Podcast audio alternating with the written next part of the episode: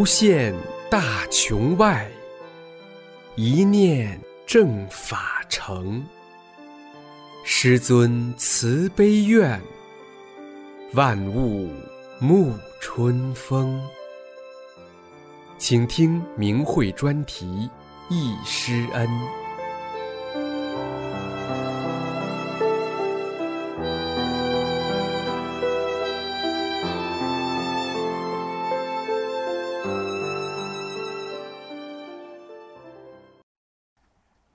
请听明慧忆师恩专题文章，题目是《几次参加师父讲法班的感受》，作者大陆大法弟子。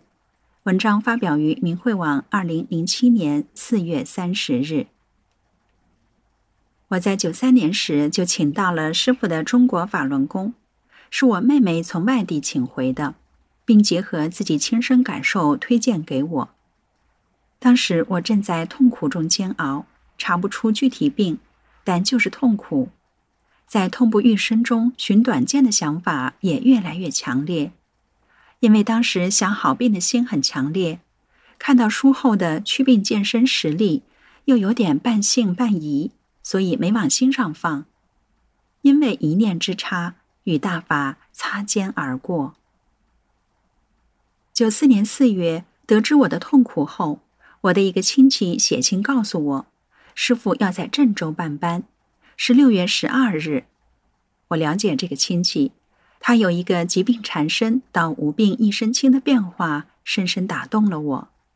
我回信说要去，并请他帮我报上名。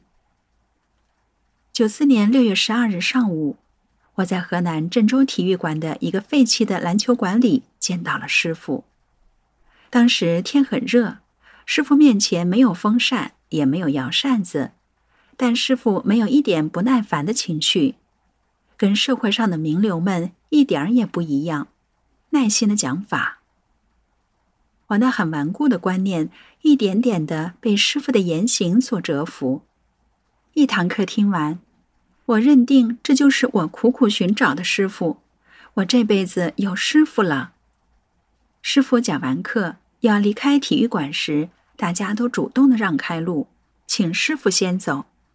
师傅从我身边走过时，我在心里向师傅问好：“师傅您好。”如果今天还有这样的机会，我会抛弃面子心，大声的对师傅说：“师傅您好。”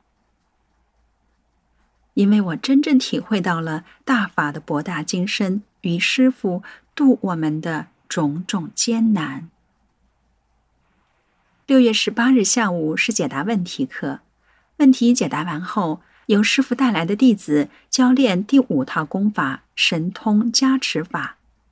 师傅从讲坛上走下来，为学员纠正动作。走到离我有一米远时，师傅站在那儿一动不动。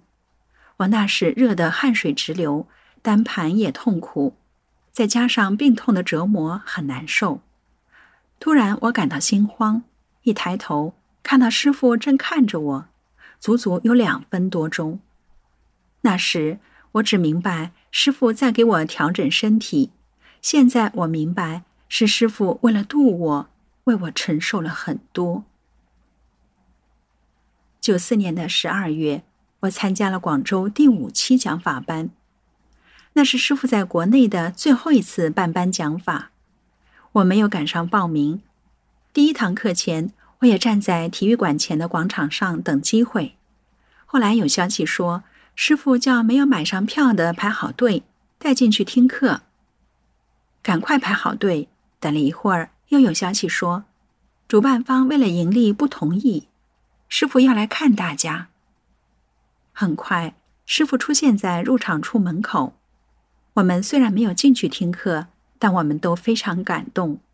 师傅挂念着我们，没有落下我们。后来在隔壁的大厅里看师傅讲法的实况。一个星期天的下午要连上两堂课，在这两堂课中间的休息时间里，师傅突然出现在我们面前，大家很激动的围了上来，但又不知该说啥。有两个同修问了两个问题后，都陷入了沉默。当时我站在圈外，我觉得这样不礼貌，还有一些不好的想法，就没有围上去。师傅离开时看了我一眼，我那些不好的想法一下子没有了，只感到很惭愧，心里愧对师傅。走过了这段难得的时期，特别一点点的明白大法的内涵时，回忆自己那时亲见师傅的感受和想法，自己都感到很对不起一心要度成我们的师傅。只有扎扎实实的学好法，做好三件事，才能真正对得起师傅，才能当好师傅的大法徒。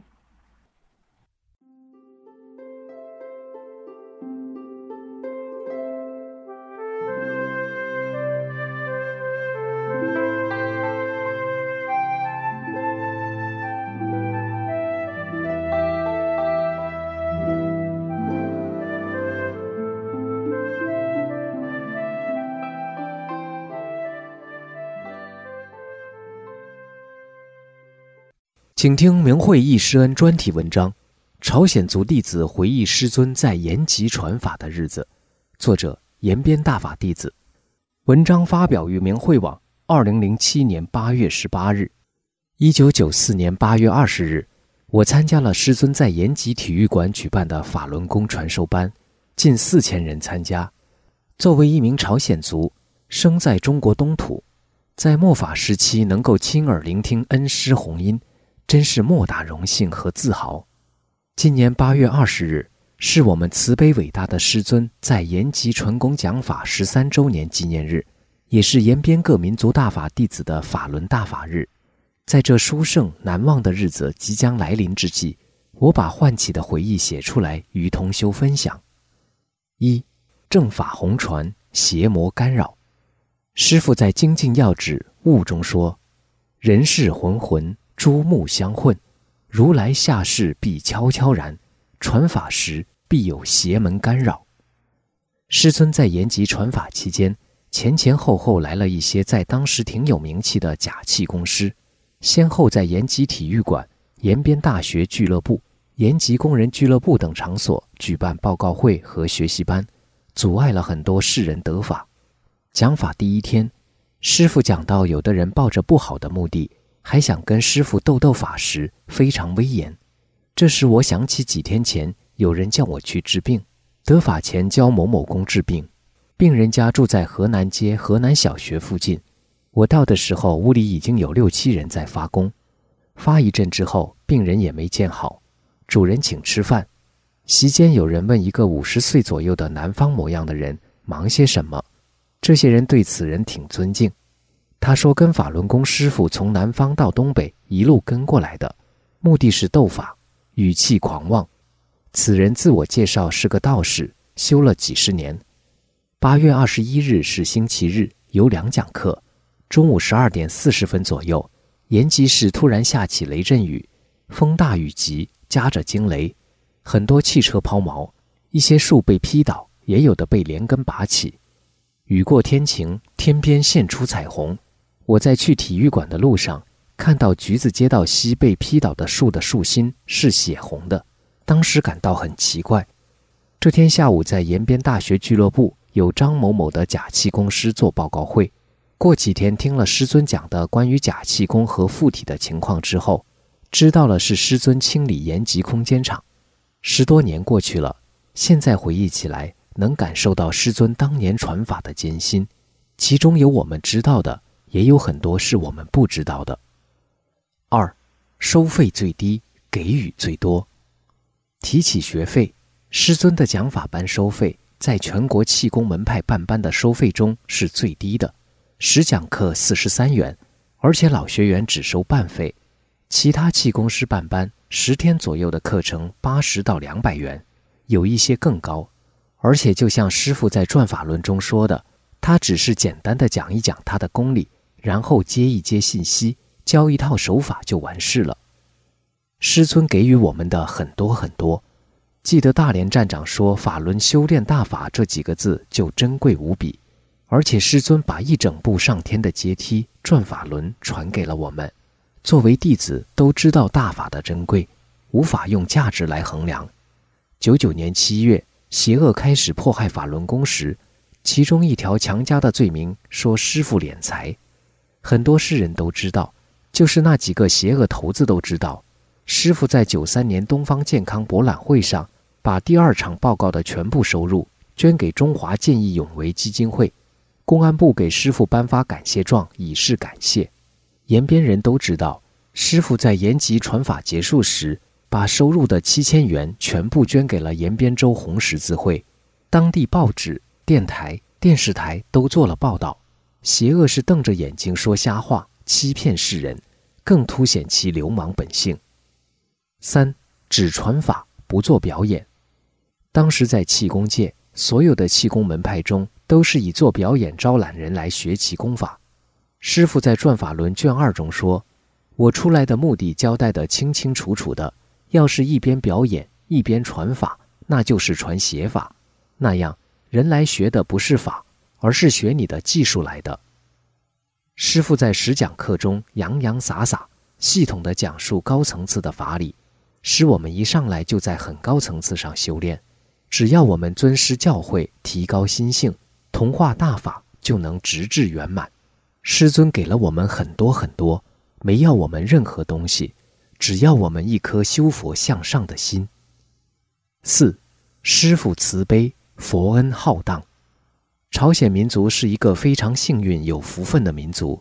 师尊在中国大陆传法两年多时间，延边首府延吉是师尊亲临少数民族群居地，唯一传法的地方。朝鲜民族是除大汉民族之外最早得法的民族。现在南韩有很多人修炼大法，北朝鲜也有人在修炼。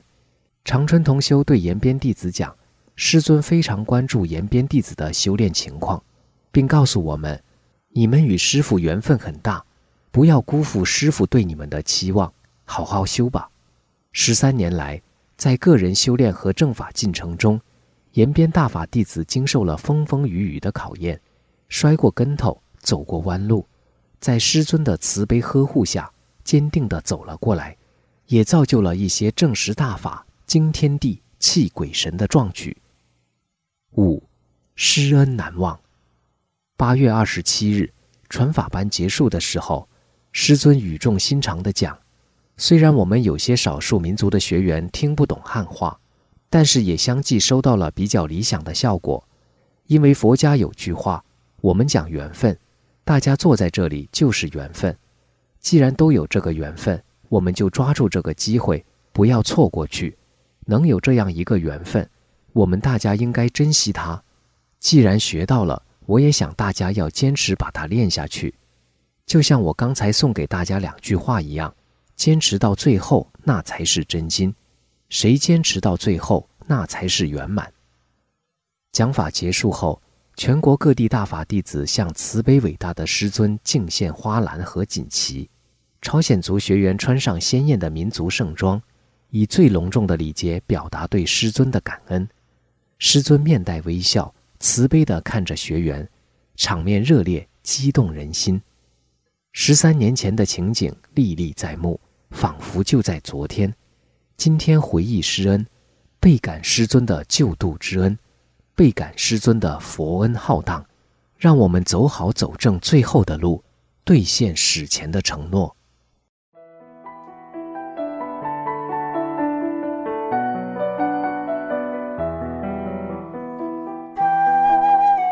您现在收听的是明慧专题《易师恩》。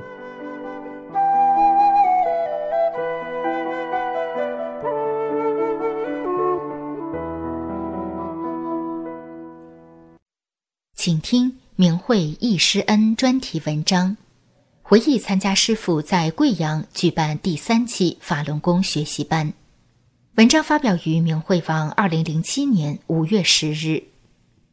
为了满足贵州越来越多想学习法轮功的气功爱好者的愿望，在省气功协会的邀请下，师傅在百忙中于九三年八月再次来到贵阳，开办了第三期法轮功学习班。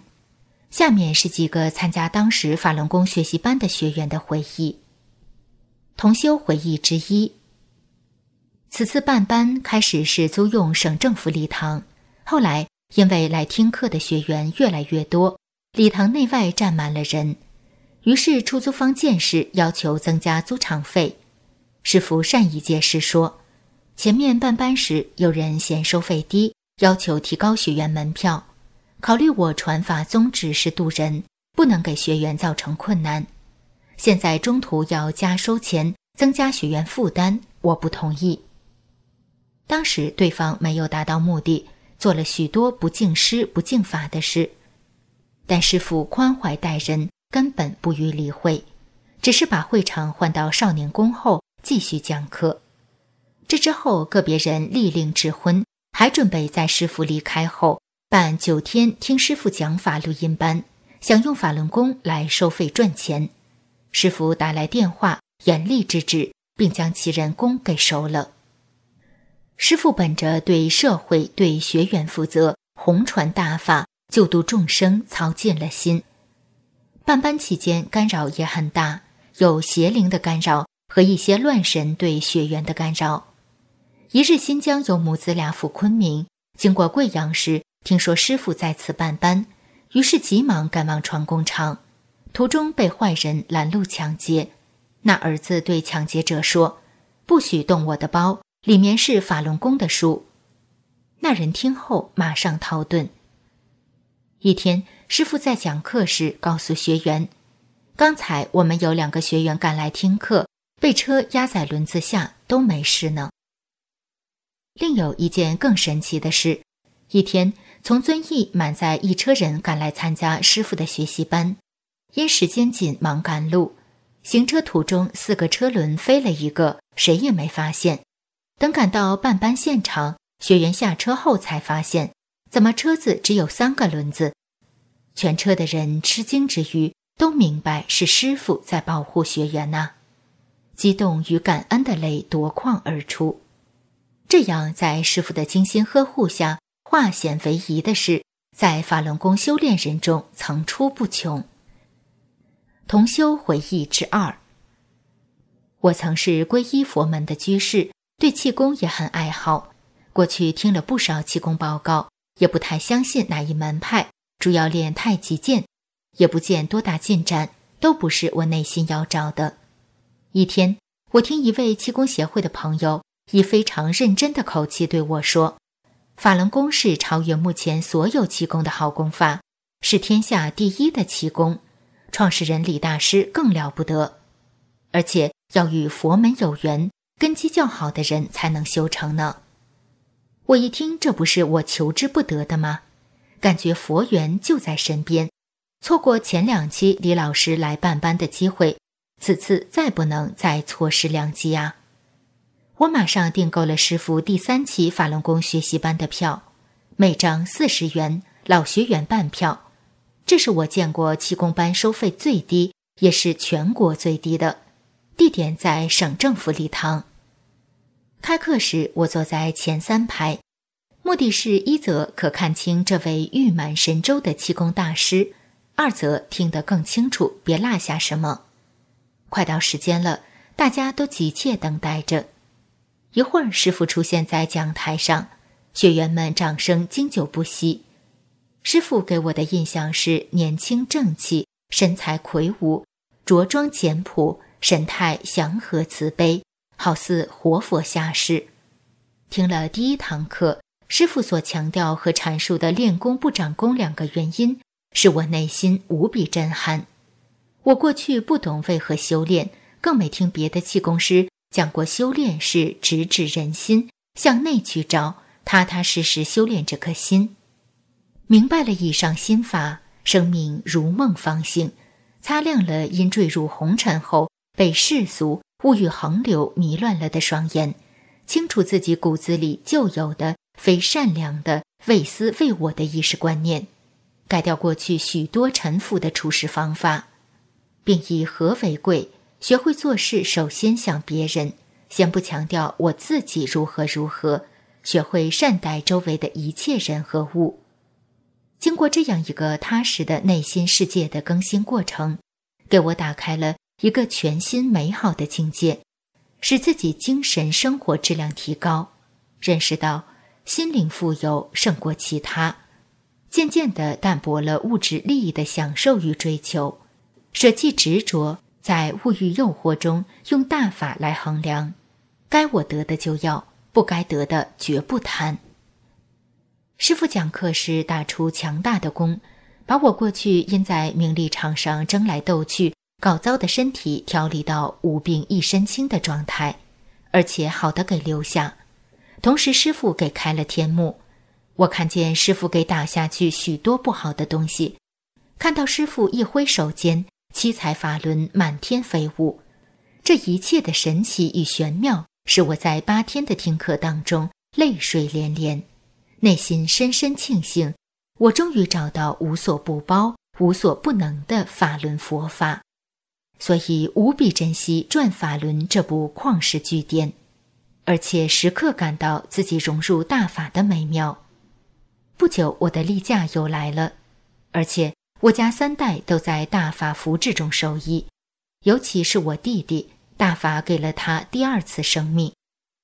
零六年除夕夜，他忽然昏倒在床边，不省人事，送医院抢救，经检查发现头上有四个包。当时动手术切除了两个，不久又发现病源在肺上，肺叶上长有三点七公分的硬包块，医院诊断为晚期肺癌，要做四个化疗，药物反应剧烈，生命垂危。我守护在弟弟身边，告诉他和我一起默念法轮大法好，真善人好。我经常给弟弟讲真相，他很相信大法，奇迹出现了。很快脱离危险，从死神手里夺回了生命，而且康复迅速，头上又长出了新发。不久痊愈出院。出院前经医院检查，当时未动手术的两个脑瘤和肺叶上的癌包块不翼而飞。医生称奇，惊呼不可思议。我和弟弟都明白，是师傅给了我弟弟第二次生命。我经常用这铁证如山的事实。向亲友同事讲真相，见证师傅的伟大慈悲与法轮功的神奇殊胜。同修回忆之三：我人生坎坷，贫病交加，患有心脏病、严重类风湿、鼻孔萎缩变硬，长期无法睡觉，头痛、气喘、高烧、鼻血不止，每次出血用十张纱布都堵不住，还堵得满脸肿胀。真是祸不单行，不久又患了左大叶急性肺炎。我丈夫是工人，工资低，而且随时面临失业的威胁。当今中国，如我家这样在贫困线上挣扎、失业和面临失业的工人有几亿。为了给我治病，一家人扎紧裤带，咬牙借债，送我到几家大医院救治。几年折腾下来，结果不但毫无转机。还被医生判了死刑，此病无法治。同时家里已债台高筑，真是雪上加霜啊！而我上有高龄老母，下有三个未成年的孩子，自己又成了个等死的废人，求生不能，求死不行，内心绝望哭出，无奈中度日如年，以泪洗面。就在此时。大慈大悲的李大师弘传佛法，恩赐佛光，照临我身，使我绝处逢生，给我的生命带来了希望与光明。在师傅办班期间，从始至终我都是流着泪在听。一天，师傅给学员调理身体，我看见师傅手一挥，突然听到耳朵里炸裂般的巨响，接着流出一团浓黑的东西。顷刻感到全身舒畅，病痛消除。当时我真想跪在师傅脚下敬谢救命之恩，但是我明白，就是倾尽所有，也无以回报师傅于万一呀。唯有绝对信师信法，一丝一念内照归正，修成师傅所要的生命，才不负师傅慈悲救度。自修炼后，我与过去判若两人。人人都说年轻二十岁，全身使不完的劲儿。修炼大法后，我亲身的变化，使周围的亲友群众单位里的同事改变了受邪党抹黑法轮功的谎言毒害，并从法轮功在我身上展现的神威，看到大法是真实不虚、利国利民的好功法，于是吸引了许多人加入到大法修炼中来，众口齐称法轮功才是老百姓真正脱离苦海、走向幸福的大救星啊！所以七年多了，无论邪党迫害法轮功有多残酷。我都堂堂正正走在兼修大法的路上，坚贞不懈。同修回忆之四：我五岁那年在山东老家，中共恶党逼我哥哥当兵，母亲让他走了。恶党把我父母吊在树上逼问。突然，日本人进村，全村人都跑了，四个姐姐也跑上山了。我年纪小，跑不动，村里只剩我。和吊在树上的父母，日本人没有伤害我们。事后，恶党以此为由挖了两个坑，活埋了我父母，然后准备活埋我和四个姐姐。全村人都来求情，才使我们活了下来。我们成了没有父母的孤儿，只好各奔东西。我被送人了，自幼在凄风苦雨中长大，患了许多病，胃痉挛。骨质增生压迫坐骨神经，美尼尔氏综合症。我丈夫是个老实的工人，工资低微，两个孩子上学，真没三天好日子过。是慈悲的师傅把这宇宙大法送到了我们手上。师傅办班学费不高，否则我们凑钱买票都难。女儿在学校省下的钱买了两张票，我母女俩终于有幸走进学习班。喜闻佛法，得此宇宙大法，心里亮堂，明白了当人为什么那么苦。师父弘传佛法，就是给苦难中的众生一部上天而永远脱离苦海的梯子。只要修炼人同化真善人，返本归真，扶着天梯而上，就能回归永远美好的家园。就是这最好最正的大法大道的修炼。使我们坦荡地走在助师正法的路上。师傅关爱每一位弟子。记得师傅初来贵阳时，我女儿在校读书。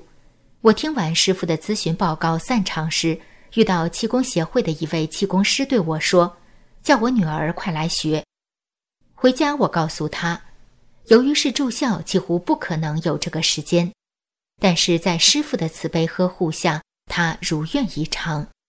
当时突然出现全省中专学校珠算定级比赛，校方规定参赛选手可免晚自习考勤。在一次听课间隙，学员围着师傅要求签字，师傅无暇休息，尽量满足学员的要求。师傅身边的刘大姐看到众人把师傅团团围住，急坏了，劝大家散开。在此情况下，我女儿站在旁边，不知如何是好。谁知师傅接过他手中的本子，给签了字。他心里直称奇：师傅怎么知道他心里想的？有一位同修得法前患许多病，到处寻医，也练过气功，都没有转机。九三年，他有幸参加了师傅在北京东方健康博览会的咨询报告会，当场师傅给他清理身体，使折磨他多年久治不愈的顽疾飞灰烟灭。自那以后，他与贵州同修一道，致力于把法轮大法传给更多有缘人。他还谈起一件奇事：他当常人时，在家中行走，经常无故摔跤。一次雷雨天，屋里突然停电，看见一股绿光从房间空中晃过，不知是什么，觉得奇怪。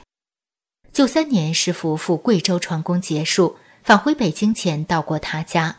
一进屋就说：“你家中不干净。”于是师傅用手一抓，让他看见原来是一条青蛇，并说此动物已修了六十年。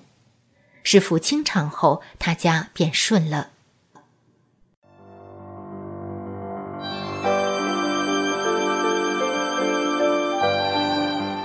这一期的易师恩就到这里，谢谢收听。